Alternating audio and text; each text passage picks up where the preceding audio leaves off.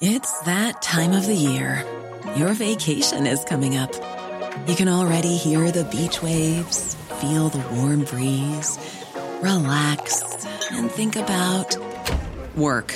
You really, really want it all to work out while you're away. Monday.com gives you and the team that peace of mind. When all work is on one platform and everyone's in sync, things just flow wherever you are. Tap the banner to go to Monday.com. There's never been a faster or easier way to start your weight loss journey than with PlushCare.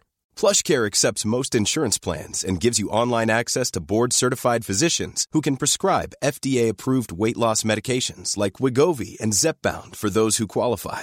Take charge of your health and speak with a board-certified physician about a weight loss plan that's right for you. Get started today at plushcare.com slash weight loss. That's plushcare.com slash weight loss. plushcare.com slash weight loss.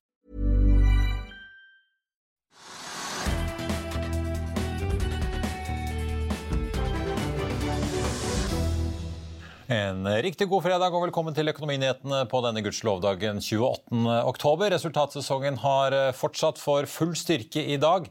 Ordet rekord er et gjennomgående tema. og Det handler ikke bare om rekordtallene fra Norges største selskap Equinor som kom i morges, men også om Kongsberg Gruppen. Vi snakker straks med finansdirektør Giri Skalleberg Ingerød, som også for så vidt er en av dagens vinnere. Den aksjen er opp ganske solide i dag, nesten 6% Det betyr at aksjonærene i Forsvars- og det maritime konsernet sitter igjen med en avkastning etter utbytte på rundt 40% Vi får også besøk av dagens nykommer på børsen, Dolphin Drilling, som etter børsnoteringen av Noram Drilling altså er den andre store IPO-en vi har sett i høst av et selskap innen rigg og oljeservice på Oslo Børs. Og vi får straks med oss konsernsjef Bjørnar Iversen og styreleder Martin Nes, som forteller hvorfor han og Øystein Strauss Betalen satser på riggselskapet som altså har gjort et comeback etter eh, noe tids bortgang, får vi si, og har gjenreist seg selv etter tidene dagene som Fred Olsen Energy.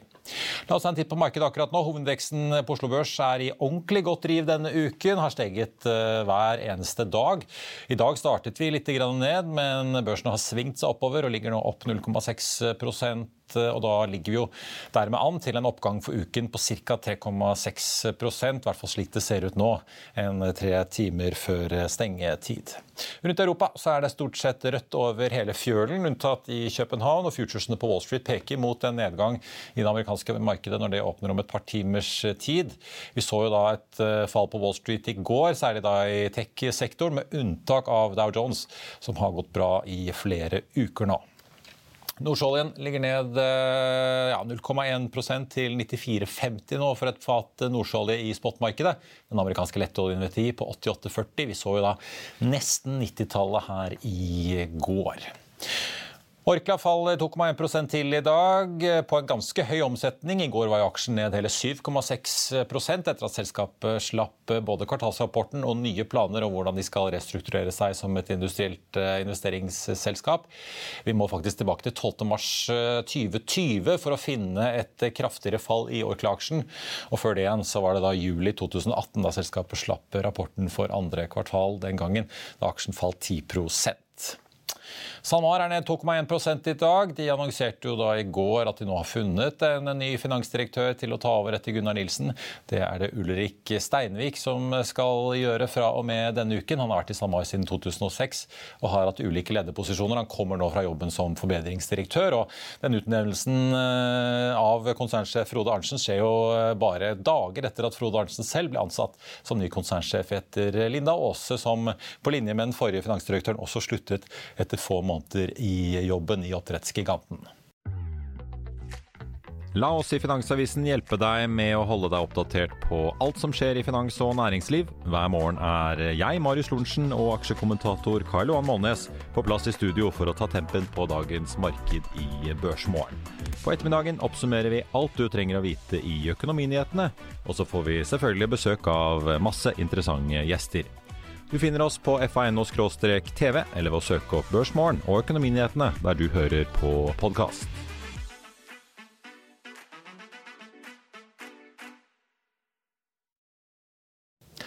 Vi må snakke litt flere kvartalstall. CM Offshore er opp nesten 8,6 i dag på deres tall, som viser en jevn bedring over hele fjølen fra topp til eh, bunnlinje.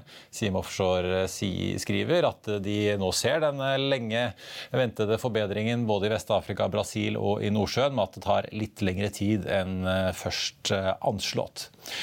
Og vi holder oss eh, for så vidt innen sektoren, for Exxon Mobil er ute med tall. Det samme er Chevron. Chevron eh, slo forventningene solid, og det ser ut til at vi kan få en god opptur i denne aksjen når Wall Street åpner om ikke så lenge. Exxon Mobil er ute med sine tall. De fikk et justert resultat på 4,68 dollar per aksje i tredje kvartal. Det var ventet 3,76 også der. En kraftig eh, overleveranse sammenlignet med forventningene i forkant. Og selv om norske Equinor leverer solide tall, så må de se seg slått av Exxon. Resultatet etter skatt fra den amerikanske oljegiganten steg fra 6,7 til 19,7 milliarder dollar. Det er 10 milliarder over Equinor, altså. Exxon har så langt i år investert 15,7 milliarder dollar, opplyser selskapet, og de holder guidingen sin på et investeringsnivå på mellom 21 og 24 milliarder. Men la oss altså kaste oss over Norges største selskap, da. Equinors justerte driftsresultat endte på rekorder 24,3 milliarder dollar i tredje kvartal. Det var noe bedre enn ventet. Og dette spinnville nivået er jo helt i eh, verdensklasse, får vi si. Det er det dobbelte av hva Shell leverte tidligere denne uken. Og på nivå med da Apple, og for øvrig bedre enn driftsresultatet til Exxon, får vi merke oss. Men selvfølgelig på skatteinnbetalinger så ser det ut til at Equinor tar førstepremien eh, stort sett jevnt over hele fjølen, med unntak av Saudi Aramco. Til sammen eh, har vi nå betalt om lag 17 milliarder dollar i skatt i dette kvartalet, sier konsernsjef Anders Opedal i dag. Så finansministeren kan smile hele veien til oljefondet, får vi si. Til sammenligning så var det justerte driftsresultatet i 2018 på 18 milliarder dollar for hele året. 13 milliarder dollar i 2019 og bare 4 i koronaåret 2020. I fjor endte Equinor med et Eh, justert resultat for året på 33 milliarder dollar. Så året i år ser jo ut til å bli enda saftigere enn eh, fjoråret. Og resultatet etter skatt økte da fra 1,4 til 9,4 milliarder dollar. Equinor tar og øker utbyttet sitt. De ligger fast med en ordinær utbytte på 20 dollar cent per aksje. Men ekstrautbyttet på toppen det økes fra 50 til 70 cent aksjen. Og som du kan lese på FA.no nå, så betyr også tilbakekjøpsprogrammet til Equinor, som de legger opp til eh, da fremover nå i fjerde kvartal, til at de kommer til å kjøpe tilbake egne aksjer for rundt 100 millioner kroner hver eneste dag. Så da er det utvilsomt eh, i hvert fall sikret et visst volum i den aksjen, for å si det sånn. Vi hadde jo med Sparebank1 Markets-analytiker Theodor Sveen Nilsen i Børsmorgen i dag. og Det intervjuet kan du se på f1.no-tv. Jeg tenkte bare å nevne at Han poengterte at Equinor kutter jo noe i produksjonsguidingen sin fra 2 til 1% i tillegg til at da fornybarvirksomheten fortsatt går litt i minus, selv om de da tidligere har tjent godt på nedsalg i ulike fornybare prosjekter. En annen ting som er verdt å merke seg, er at eh, konsernsjef Anders Opedal i dag sa at eh, de endringene som regjeringen har foreslått i oljeskattepakken, det øker balanseprisene i prosjektene dette gjelder, med mellom 2 og 5 dollar eh, per fat. Opprinnelig så var det sånn at oljeskattepakken omtrent kuttet selskapenes balansepris med rundt 10 dollar fatet. Det har både Equinor, Aker BP og Lundin tidligere uttalt. Videre så sier Opedal at eh, for prosjektporteføljen har, eh, som selskapet har under utbygging, så er kostnadene stabile. Men at prosjekter som er under utvikling, altså de som ennå ikke er sanksjonert, så er man eksponert for høyere kostnader, flaskehalser, forsinkelser og kapasitetmangel i forsyningskjedene. Han sier sitat, prosjektene er også utsatt for endringer og uforutsigbare rammebetingelser fra myndighetene får vi også ta med at han eh, i et intervju med TDN da, sier at eh, til tross for at gassprisen i Europa har falt i det siste, så mener han og Equinor ikke at den fundamentale gassmangelen over tid i Europa har endret seg.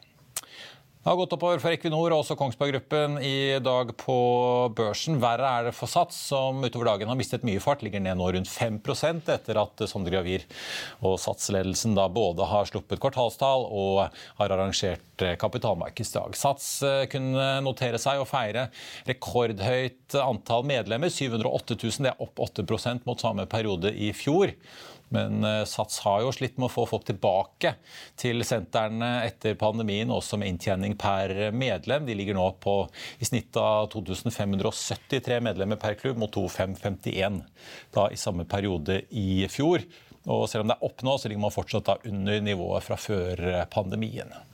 Inntektene tikker litt nedover til eh, snaue milliarden i kvartalet. EBITDA-en faller eh, til 20 millioner.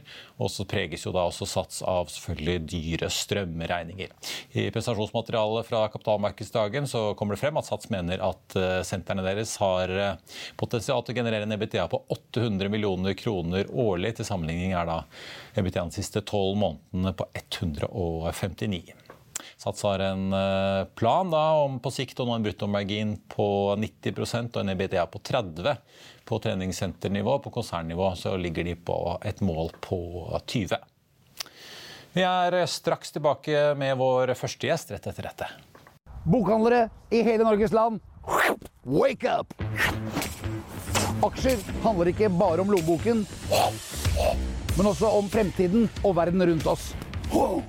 Vi drømmer alle om å bli rike i en fei. Er det ikke da bare å kjøpe og selge aksjer, Roger? Kjøpe og aldri selge. Husk, de beste pengene som investor de tjener når du sover.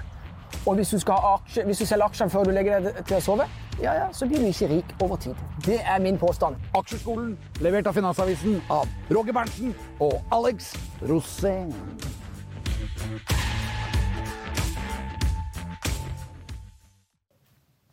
Da skal vi ta inn dagens eh, første gjest. og Det var jo da ikke bare Equinor som kunne rapportere om rekordresultater i dag. Det kunne også Kongsberg Gruppen, som altså ikke bare vokser topplinjen med 25% men også altså har tidenes høyeste EBITDA på nesten 1,4 milliarder kroner. Godt over forventningen på 1,1. Og Med oss nå har vi finansdirektør Giri Skalberg Ingerød. Velkommen. Takk for at du tar deg tid til å være med Giri, på det jeg vet er en hektisk eh, dag.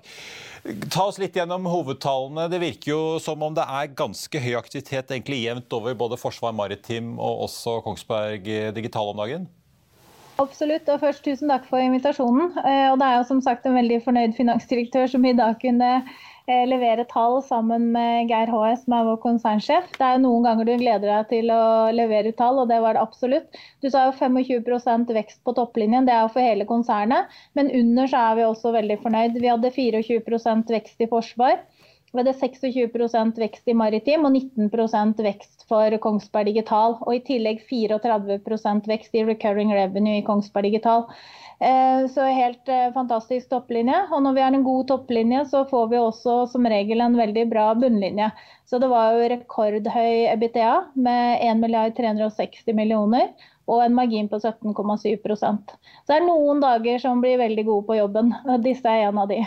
Åpenbart, og Markedet virker jo være godt imponert og sender dere oppover. 6% på Oslo Børs i dag. Men, men, si det, altså dere har jo hatt et mål om å, å, nå 30 milliarder i omsetning i år. Det når dere med god margin. Hvis man da tar uh, gjenværende ordrer i, i, år på 8,4 milliarder, pluss litt inntekter på ettermarked og omsetningen på drøye 22 som dere har hatt så langt, så bikker dere over, over den milepælen der. Men med en så kraftig vekst og så gode marginer, er det er det midlertidige ting som holder dette litt kunstig oppe? Kan vi få et eh, tilbakefall på, på noen fronter her, eller ser dere ikke det? Jeg ser jo over hele fjølen, Hvis du tar sånn som maritim først, da, så har du hatt lavere nykontrahering i år enn det du har hatt tidligere. Eh, også hvis du vrir det over på um, høyteknologisegmentet eller høynivåsegmentet, så er det klart at på LNG-skip så har det vært høyere enn det har vært de tre-fire siste årene. og Der er jo vi veldig godt representert. Så av 130 LNG-skip i år, så er det 30 av de som kanskje ikke har uh, hatt, uh, vært ute og valgt leverandør på, på, utstyret sitt fortsatt. Men det er klart at vi har jo brorparten av mye av det andre. Så det har jo drevet mye av den maritime veksten samtidig med ettermarkedet. Så kan du si De grønne løsningene, uh, retrofit, skift til nye teknologiske løsninger på det grønne skiftet. Det driver jo mye av ettermarkedsetterspørselen vår ekstra dette kvartalet. Eh, og du, vi skal jo inn i kanskje en resesjon. Vi har en inflasjon. Sånne ting kan jo bremse opp noe, men det ser absolutt veldig lyst ut for vår del og der vi er representert i dag. Ser du på forsvarssiden, så er det klart at eh, der var vi også ute og meldte om veldig gode utsikter fremover. Eh, så jeg ser i forhold til topplinjen, så er det ingen grunn til at det skal bremse voldsomt inn i neste år. Vi sa på maritim at det så godt ut utover i 2023. Og på forsvar så meldte vi jo også om veldig god ordreinngang. Vi kommer jo til å antageligvis få over 15 milliarder i nye ordre missiler de neste 18 månedene. Og det er klart at Den veksten kommer ikke umiddelbart, for det er jo ordreinngangen i seg selv. Og så kommer jo veksten etter hvert som vi produserer. Eh, digital, oppe med 17 tvillinger nå. Eh, og x antall brukere, holdt jeg på å si. Over 4500 brukere, så ordentlig step up der også. Eh, så vi er i de områdene som vokser, heldigvis. Men det er klart at både resesjon og litt sånn nedkjøling av økonomien vil treffe oss også, i alle verdikjeder. Skal vi bare begynne litt med forsvar. Eh, denne uken så har jo dere har jo tette bånd til mange av disse store amerikanske forsvarskonsernene. Både Lockheed Martin og Northrop Grumman og General Dynamics. Eh, Northrop Grumman og Lockheed ute og snakker om en ganske god salgsvekt både i 23 og 24. Samtidig så vi jo Boeing ta ganske store tap fordi de har låst seg inn på fastpriskontrakter på Air Force One, påfyllingsfly til eh, det amerikanske forsvaret. Mm. Selv om det er veldig gode tider, sitter dere med noe eksponering eh, på fastpriskontrakter i en verden med høy inflasjon på forsvar, eller? På forsvar så har vi omtrent eh, halvparten av kontraktene våre har skaleringseffekter opp og ned i forhold til underleverandører. Eh, og så er det klart at eh, På de store kontraktene så har vi jo mye mer fastpris på de, men da har vi jo sikret mot underleverandører i utgangspunktet. Så i forhold til forsvar, Men forsvar har kanskje en litt sånn ekstra tvist. For det er klart at vi er jo ikke tjent med at våre underleverandører ikke klarer seg. Eh, for det er vanskelig å få nye underleverandører på forsvar. Så vi jobber jo veldig tett sammen hele veien i forhold til det. Men ja, ingen tenker, altså, forsvarsbusinessen deres ja, for jeg tenkte på Forsvarsbusinessen har jo vært den med kanskje best marginer i hele systemet. Eh, som jo er viktig for at eh, Kongsberg som konsern skal nå eh, sine mål. Men de, kan de marginene til Kongsberg Defence da bli eh, presset nedover fremover? Ikke nødvendigvis pga. kontraktene, men på prosjektmiksen vår så vil det være en endring. Vi gikk jo ut med et langsiktig mål på 17% margin på slutten av 2025.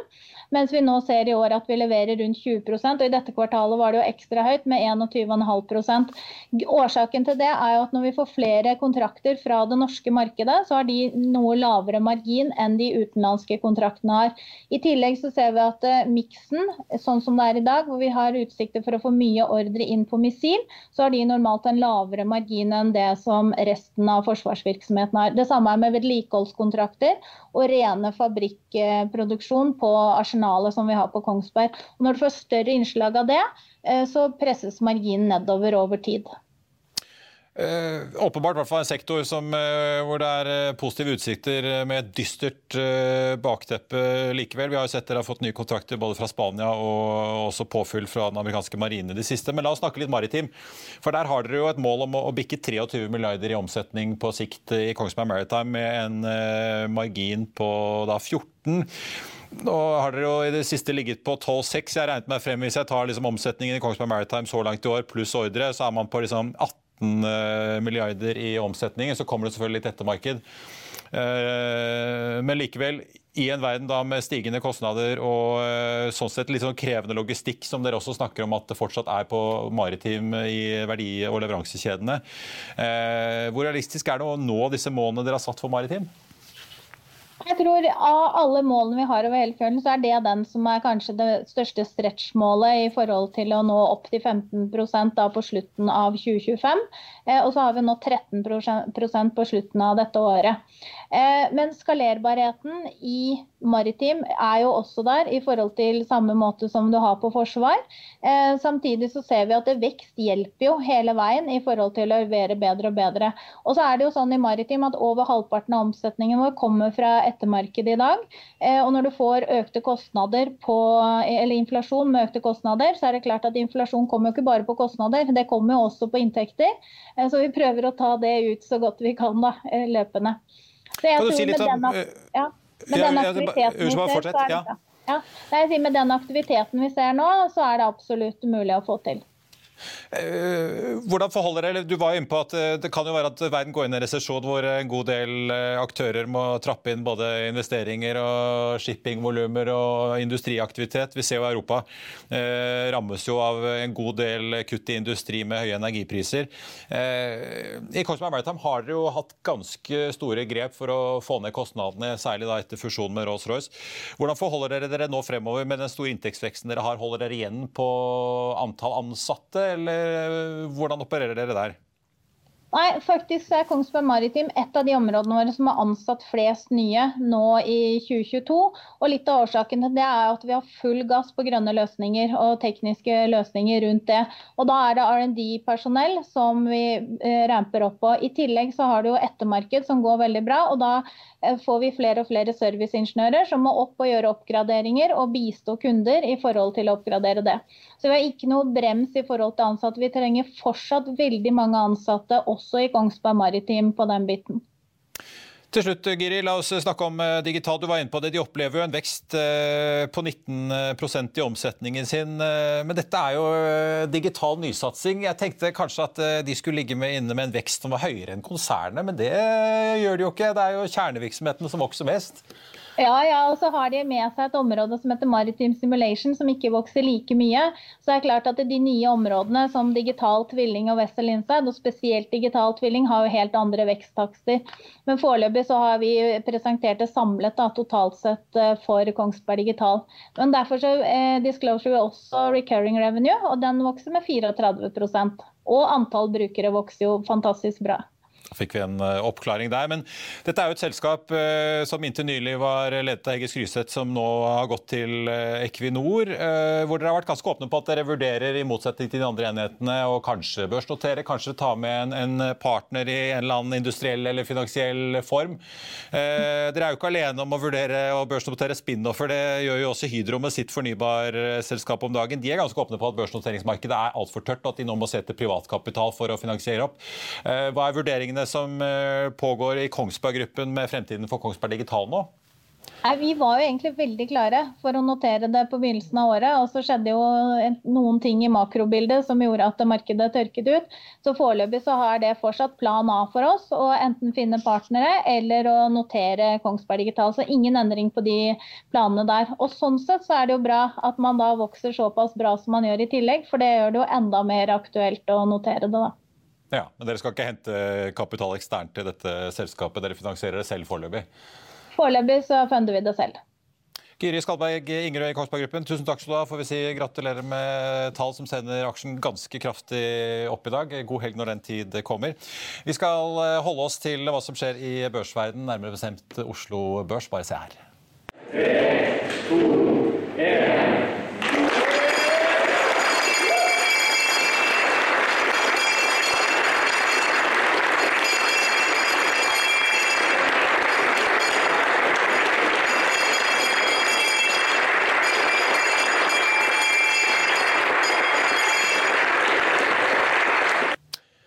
har vi fått med oss får vi si, dagens nykommer på børsen, Dolphin Drilling, tidligere kjent som Fred Olsen Energy, er nå altså notert på Euronext eh, Growth. Gjeldfrie og klare til å betale utbytter blir aksjonærene lovet. Så får vi se da hvor bra dette går. Konsernsjef Bjørnar Iversen, velkommen.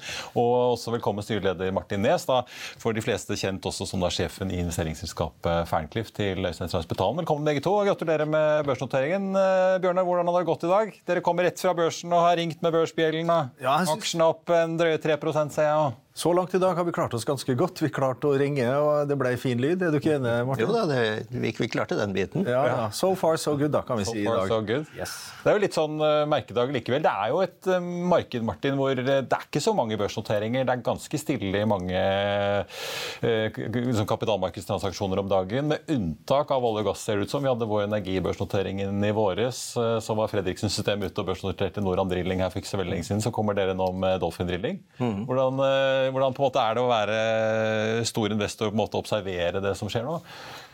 Nei, altså Du ser jo en bra driv innenfor oljeservice, eh, hvor vi da har notert Dolphin Drilling i dag. Eh, så, så, der ser du en positiv utvikling. Og det er jo litt morsomt å se på utviklingen og, og hvordan altså, oljeservice er tatt imot nå Kontra for noen, eh, et år eller to siden. Det var litt out of fashion. Vi var litt out, si out sånn, of favor og ikke ja. noe vi kunne snakke om. Men, men nå, nå er jo er man tilbake. Men eh, sånn, eh, hvordan, eh, Hva er liksom, din analyse av markedets villighet til å sette penger? Dere har jo hentet 45 millioner dollar til dette selskapet nå. Er det liksom en sterk villighet? Litt sånn ja, vi kan betale penger hvis vi får en god rabatt? Eller hvordan på en måte leser du investorenes vilje til å sette penger i selskaper som Dolphin og andre innenfor dette segmentet? Altså, vi ser en stor interesse og en økende interesse fra folk som tidligere på en måte skydde eller en periode i hvert fall, eh, skydde sektoren. Og at man nå finner veier å komme tilbake igjen. Eh, som jeg har sagt til mange, altså det store moteord eller ordene energy security er jo med å hjelpe til å, ta dette fremover. Ser, man ser at man trenger, trenger, olje en god stund til. Så, så, det er, Men samtidig har du jo et, et usikkert makrobilde med, med, alt det som skjer. Så, så det er jo det er ikke noe sånn rett vei fremover. Men vi, vi ser positivt på, på veien fremover for oljeservice nå. Vi gjør det. Bjørnar, eh, Vi snakket jo sammen på Pareto-konferansen. Da var du ganske klar i budskapet at det er kjempegode tider, men det er ingen som vil bygge noe særlig nytt. Vi må snakke litt om, om dette selskapet deres nå. Da. Du er jo en erfaren mann i bransjen, har vært sjef i Song Offshore, for de som husker det, ble kjøpt av ja. TransOcean. Nå da inne med, med, Dolphin Drilling. Dere har uh, tre rigger i, uh, måte, i flåten i drift, og opsjoner på to til, er det sånn? Det stemmer.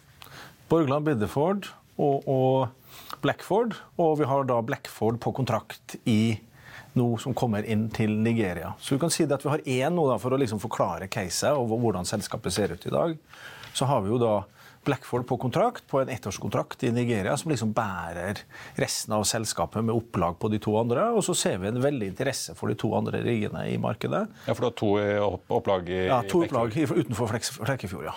Og de, de markedsføres da nå veldig betydelig, og vi ser veldig interesse for det. Men som sånn, eh, et sånt grunnlag for virksomheten, den kontrakten du har på den ene riggen, hvor, hvor, god inntjening gir den med tanke på å holde hjulene i gang og, og, sikre deg en eh, kontantstrøm, sånn at du ikke trenger mer påfyll av kapital? Ja, Det er faktisk ganske perfekt. at Det holder, det holder liksom alt gående. GNA-strukturen vår, opplag av de to andre. Så når vi liksom får ut rigg nummer to, så er det liksom utbyttekapasitet. Og får vi ut nummer tre, så det er også utbyttekapasitet. Og de to siste som vi snakka om, dere, vi har opsjon på to, men det, det, det er skrudd sammen på en sånn måte at, at det er en B-båtavtale hvor liksom finansene kommer fra Keppel. Og at vi da, uh, Får vi kontrakt på de, så vil de da bli leid der, slik at vi da ikke må reise mye penger. Så det vil liksom også bidra til utbyttestoryen vår. da. Ja, For det er to rigger som uh, en annen kunde egentlig skulle ha, som Keppel Verft måtte videre selge? Det er korrekt. Ja. Så de ble levert tilbake av Avilco her for et par år siden, eller et og et halvt år siden, og det stemmer. Og da, eh, nå ser vi at det er veldig høy aktivitet på norsk sokkel. Jeg ser I prestasjonsmaterialet deres så snakker dere også om at det er ganske gode utsikter på britisk sokkel. Ja. Så også egentlig hele Nordsjøbassenget. Når forventer dere å da close eh, noen avtaler på disse to riggene i opplaget? da? Nei, vi, sånn som vi ser det, så tror jeg vi har en ganske god mulighet til å få Borgland til i år. Og få kontrakt på den i år, med oppstart til neste år og Bidderford litt mot midten, slutten av neste år. Den vil ligge litt etter, sånn som vi ser det. Men det er liksom anbud og interesse for eh, begge riggene. Og du sa det der med markedet. Hvordan ser markedene ut? Hvis vi ser på det norske markedet, så har vi hatt de skattepakkene og alt det der, men det vil ikke slå inn før vi ser kanskje 24, tenker jeg. Og spesielt 25. Og det så vi i de slutningene. Da er det mye produksjonsbrønner som skal bores? Da er det mye som skal bores ja. på basis av de skattepakkene. Og så har vi liksom UK har jo kommet veldig veldig fort. I løpet av de siste 9-12 månedene så har det gått fra tre kontrakter på UK nå til ti. Og investeringsnivået, altså sanksjonerte prosjekter, har gått fra ca. 1 milliard dollar til 11 milliarder dollar. Og det har skjedd veldig, veldig raskt. Martin, sånn, fra deres eh, ståsted, det, det kommer jo ikke så mye ny kapasitet inn, virker det som. Dere har jo da opsjoner her på to rigger til. Men det er ikke så veldig mange andre i bransjen som verken kommer inn med mye nye supply-båter eller nye borerigger eller nye produksjonsskip. Eh, er det da en bet på at eh, det blir en skvis? Det er, det er, jo en, en bet på at det blir en, en skvis. Eh, selvfølgelig at du ser at etterspørselen øker. Eh, du ser jo det i, i Dolphin. Eh, altså mange flere incoming eh, calls. Det er mye interesse. Du ser hva som skjer på UK-sektor, som vi på en måte har fokusert litt på. Og vise, på, vise mulighetene. Eh, når norsk sektor kommer etter. Så, så ja. Eh, og det Prisene på stål har jo betydelig ned. Man ser hva man har kunnet plukket opp rigger for. Rigger som har blitt forlatt både i Korea, drillskip på Keppel osv. Så, videre. så det er klart at det å gå inn og bygge nye rigger nå til, til noen helt andre priser, da skal du være veldig tro mot og ha veldig tro på et marked framover. Ja, hva tror dere må skje for at vi faktisk liksom får noe ny At noen faktisk begynner å bygge nytt, da, som vi så for 10-15 år siden? Jeg syns det er vanskelig å se. Altså, hvis du får det mot en kontrakt, en god kontrakt, lenge kontrakt, så, så, kan det være mulig. Men jeg, jeg ser ikke noe, noe nybyggingsaktivitet nå. nå tror jeg Det markedet prøver å absorbere, absorbere, nå, er jo eh, de eh, kontraktene som har blitt forlatt. Altså de drillskipene i, eh, i Korea, de, altså Keppel, altså det er det man prøver liksom å se absorbere nå, hvor, hvor verftene må ta, ta større tap for, for å få de ut. Eh, om man ser på nybyggingsprisene, så innenfor eh, rigg og innenfor, altså supply og som, som vi jukser litt innenfor, så, så, er det klart at det, det er ikke regningssvarende slik, eh, slik det er nå. Men vi ser jo rater som går opp, og aktivitet som går opp, så vi ser jo lyst på markedet nå. Bjørnar, eh, åpenbart Hvis dere får kunder på disse to ringene dere har i opsjonen, så vil jo de bli satt i gang. Yes. Eh, ser du noen muligheter for å vokse flåten utover det i overskuelig fremtid? Ja, vi ser jo selvsagt på noen strategiske ting. Så plukke opp noen hvis det ligger noen rundt omkring? Ja. Det får vi se. Men jeg vil gjerne kommentere litt på liksom, det som, også, som Martin sa der. Hvis vi ser liksom, på markedet, husk på, Dette er ikke bare det at, at etterspørselssiden etter rigg går opp. Problemet eh, En del av problemet her er at det har vært skrapa så enormt med rigger, så tilbudssiden er begrensa. Vi har liksom standardrigger som da er, er forankra rigger på norsk sokkel, egentlig, eller på, egentlig internasjonalt også. De har gått fra 140 tilgjengelige rigger i verden til 35. Halvparten av de 35 er i Kina og Kaspiahavet. Det betyr at det er et marginalt altså tilbud. Så når etterspørselen går opp, da, så er det veldig lite å stå imot med. Og det vil slå ut i dagrata. Det er helt klart, det ser vi allerede. De er dobla allerede på under et år. Og, og, og det, Vi tror det vil fortsette, og så vil det knipe. Og så akkurat sånn som Martin sier, Skal du bygge nytt, så må du sikkert Det kommer til å koste tett på en milliard dollar å få ut en sånn. og Det betyr at du må ha en lang kontrakt, og du må ha en sånn rundt 600 000 i dagrate. Og der er vi ikke i dag. Det er ikke kunder som er villige til å betale det. Men det vi ser fra 2025, for eksempel, så så vi at Oddfjell Drilling fikk en femårskontrakt fra 2025 med mellom 350 og 400 000 dollar per dag. Og vi så liksom Transocean Norge for at Transocean som gikk på Norge, eller gikk på en fireårskontrakt med Wintershall DA og OMV. Så vi ser jo at dette blir lengre, og at ratene går opp. Eh, nå, som jeg sier, Du skal aldri si aldri, men jeg tror det sitter fryktelig langt inne å bygge nye rigger i verden i dag. Men har, eh, har du, Det er jo forstått noe helt annet, men da har vi jo sett Vår Energi slite med oppussingen sin av uh, Jotun-produksjonsskipet, som vi også begynner å trekke på årene. Ja. Dere har jo to da, litt godt voksne rigger som står i Flekkefjord. Jeg ser dere sier at de er smart-stacked, men likevel. Eh, hvordan vurderer dere risikoen på at eh, det blir mer komplisert enn det dere tror å få de tilbake i full drift og til da å tjene penger? Ja, Det er et godt spørsmål. Og hva er smartstekt? Jeg tror det, det er liksom et par viktige poeng som jeg ønsker å kommunisere på det. Det ene er at når Borgland kom inn i januar, februar, mars i år, så det har ikke ligget så veldig lenge. sant? Og så har vi tatt ned bemanninga der frem til sommeren. og Det betyr det har vært full bemanning mer eller mindre om bord til august. Og nå er vi i november, så det liksom, man er veldig der. Og så har, Hva betyr smartstack? Jo, vi har da ett crew som da har fire uker av og én uke på, uke på riggen. Og Det betyr de kjører alle våre sju systemer om bord, passer på at alt fungerer, alt er shipshape. Og, og, og, det betyr at det ikke, det har ikke, vi har ikke liksom liet i kaldt opplag og fått Eh, korrosjon og pittings og alt det greiene der. Nei, nei. Riggen er varm and ready to go. Og vi har jo mobilisert eh, de riggene her før. Borgland sist gang brukte vi 12 millioner ca. Og vi brukte 72 dager. Og ca. det samme på Blackwater når vi gikk til, til Mexico. Så vi føler vi har god kontroll på det. Uh, og så er det liksom uh, tid i, i, i, dette som ligger, ligger, under der. Klart at uh, Det blir mer press på ressurser nå, så, og så ser vi inflasjon litt under dette. Så det er et lite sånn prispress på det. det, det vi, men det har jo prisa litt inn i det i, si, i våre planer. da. Martin, dette skal være en uh, utbyttecase. Gamle Fred Olsen Energy slett slet jo ordentlig etter oljebremsen med altfor mye gjeld og havnet jo midt i restruktureringssirkuset sammen med Doff og Solstad og alle de andre. Nå er dere liksom, ja, grått sagt gjeldfrie, skal betale utbytte, men skal dere gire opp denne butikken i det hele tatt fremover, eller hva slags planer har dere? Det, vi har ikke noen planer om å, å gire opp eh, på noe tidspunkt. Vi har ikke planer om å uh, gå ut og kjøpe noe uh, rigger, med mindre vi finner noen noe gode, gode, muligheter. Så, så når selskapet blir gjeldfritt. Fra vårt ståsted så er det viktig å passe på de pengene vi har. Få de riggene vi har, i arbeid. Og så må vi se på muligheter. Og en mulighet til for selskapet som vi har kommunisert hele tiden, er jo det å ta management på andre rigger. Eh, så da får du ikke de Capex-utleggene, men du får en hyggelig, hyggelig, avkastning på det.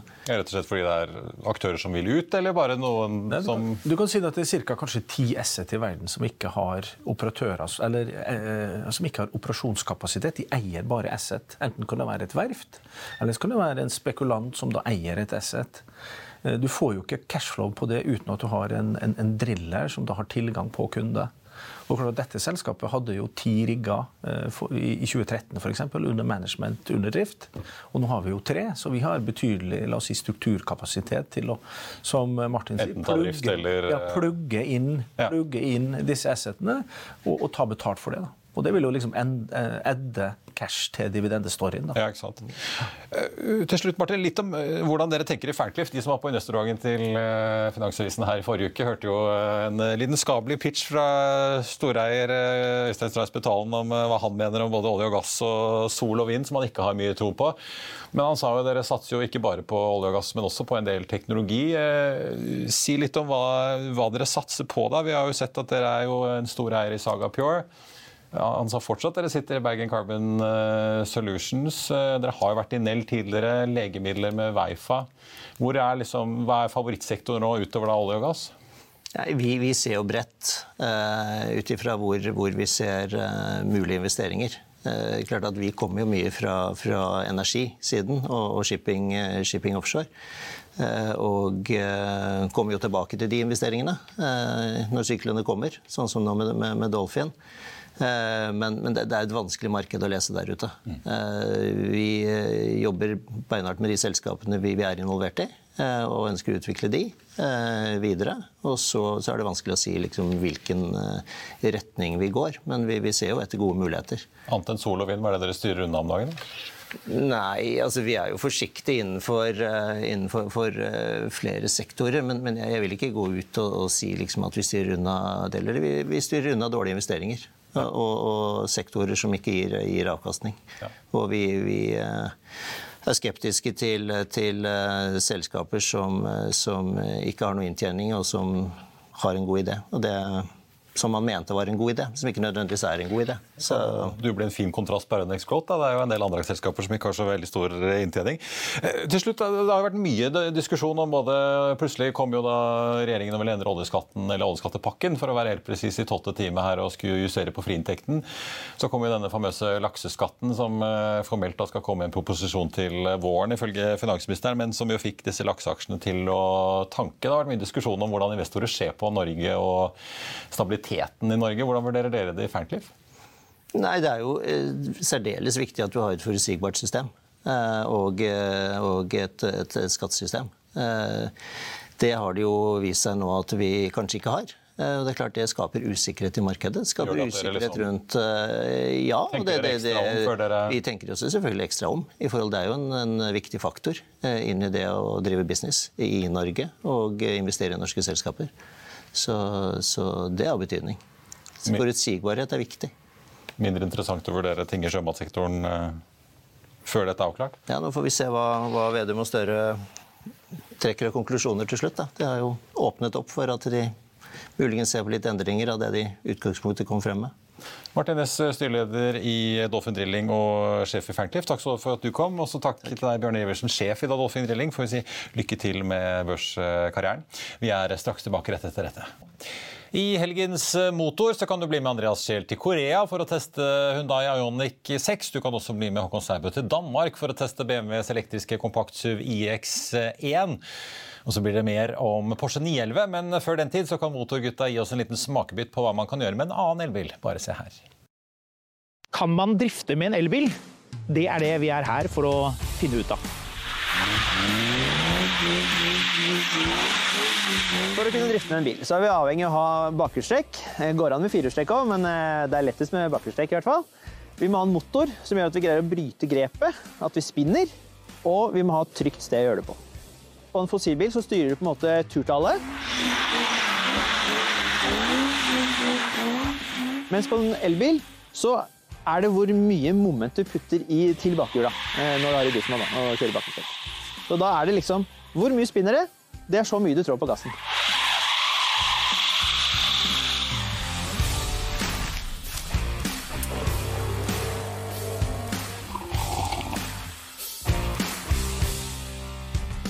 Null til 100 på 3,5 sekunder, men det er jo ikke det vi skal teste nå. Dette blir eh, første drifting. 585 hestekrefter.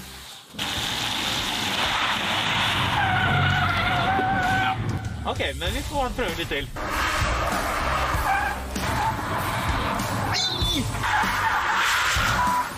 Altså, OK, vi prøver igjen. Dette er ikke lett, men ikke umulig.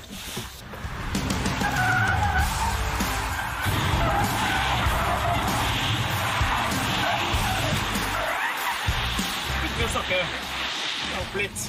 nesten tar jobben min, ja. jeg, jeg tviler veldig.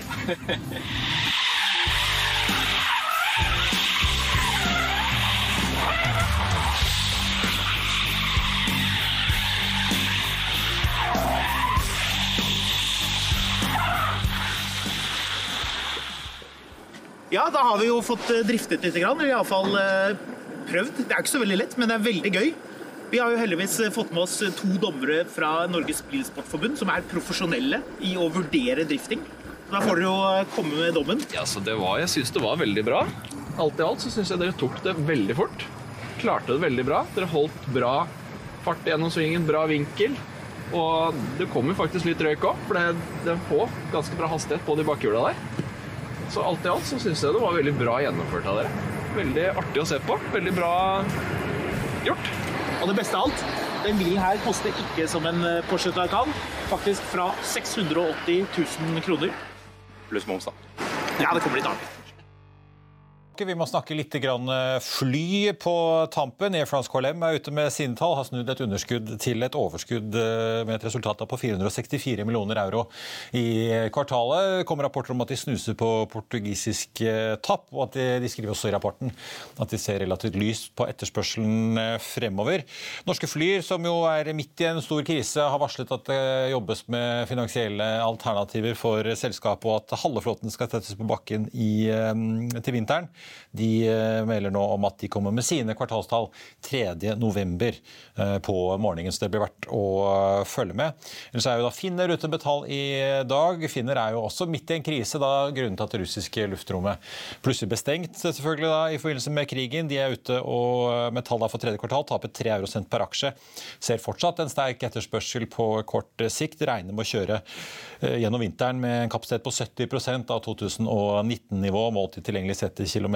Sier at det fortsatt er betydelig usikkerhet med både drivstoffpriser, inflasjon, kostnader og da selvfølgelig det russiske luftrommet som er stengt. Finner har jo satt i gang en stor omorganisering for å tilpasse seg dette. Satse mer på fly til Midtøsten og Nord-Amerika. Og de venter fortsatt et, det de kaller et betydelig negativt driftsresultat for 2022 par analytikeroppdateringer som også har kommet i dag. På Skipsted, som jo var ute og kuttet guidingen sin denne uken, der ABG og kutte kursmålet fra 2,25 til 2,15, sier fortsatt kjøp da Arctic tar sitt fra 160 til 170 fastholde hold, mens da ECB også er ute og gjør en mindre justering ned til 2,75. Det samme gjør City ned til 2,05 og Morgan Stanley fra 2,80 til 2,75. Den aksjen ligger nå på 154,70, da for A-aksjen 149,30 for B-aksjen aksjen ned 3,5 i dag. Fikk jo ganske mye mer fart i går. Golden Ocean der er ECB ute og kutter fra hele 180 til 110 kroner, men beholder fortsatt kjøpsanbefalingen. Den aksjen ligger nå på 85,30, ned snaue 2 i dag. En aksje som går bra, hvis vi titter litt utenfor vår egen grense, er Danske Bank, opp 5 i dag til 120 kroner. DNB Markets Håkon Astrup er ute og øker kursmålet fra 120 til 150 basert på at Danske Bank nå har gjort en avsetning på 14 milliarder danske kroner for å rydde opp etter hvitvaskingsskandalen i Estland. Og han har oppjustert kursmålet, sier han, både pga. økte estimater, bl.a. takket være en økning i netto renteinntekt på 9% fra forrige kvartal, men også da fordi at usikkerheten rundt banken er redusert, når da det ser ut som man får litt mer klarhet i hvordan dette skal gå. Og så får jeg si at uh, det er bare å få med seg Finansavisen i morgen på lørdag. I tillegg til Trygves leder så kan du lese om Nordea Market, som nå i gåsehudet bare venter renteøkninger på 0,25 prosentpoeng i november og også 0,25 i desember fra Norges Bank. Mens vi da tidligere har sett uh, dobbeltøkninger, og det er jo det mange går og spekulerer i om også kan skje på rentemøtet da neste uke. Samtidig så tror NHOs sjeføkonom uh, at Øystein Dørum at det kan bli solgt 10% færre julegaver i år i norske butikker. Så da kan det jo virke som han og Amazon-ledelsen ser eh, i den samme krystallkulen. Amazon var jo ute i går i kvartalsrapporten sin som kom etter stengetid på Wall Street i går kveld, eh, og kuttet guidingen for fjerde kvartal ganske betydelig. Denne aksjen falt jo veldig kraftig etter handelen, så det blir interessant å se hvordan den åpner når eh, Wall Street er i gang om en time og ja, kvarter omtrent. Så er Flyr ukens aksje, og det ble også børsintervju i avisen med Jon Olaisen, i tillegg da til masse bil, vin og annet helgestoff. Og Det var det vi hadde for deg på denne fredagen. Tusen takk for at du så eller hørte på. Mitt navn er Marius Lorentzen, og vi er selvfølgelig tilbake igjen her på mandag 08.55 med Børsmorgen og 14.30 med Økonominyhetene. I mellomtiden ønsker vi alle dere en riktig god helg. Takk for nå.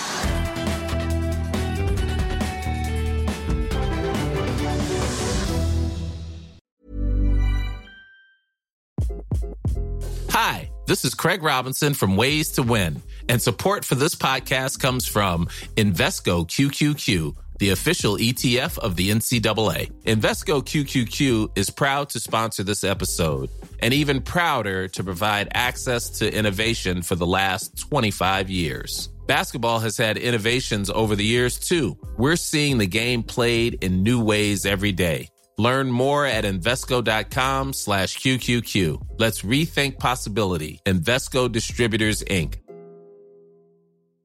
Normally, being a little extra might be a bit much, but not when it comes to healthcare. That's why United Healthcare's Health Protector Guard fixed indemnity insurance plans, underwritten by Golden Rule Insurance Company, supplement your primary plan so you manage out of pocket costs. Learn more at uh1.com.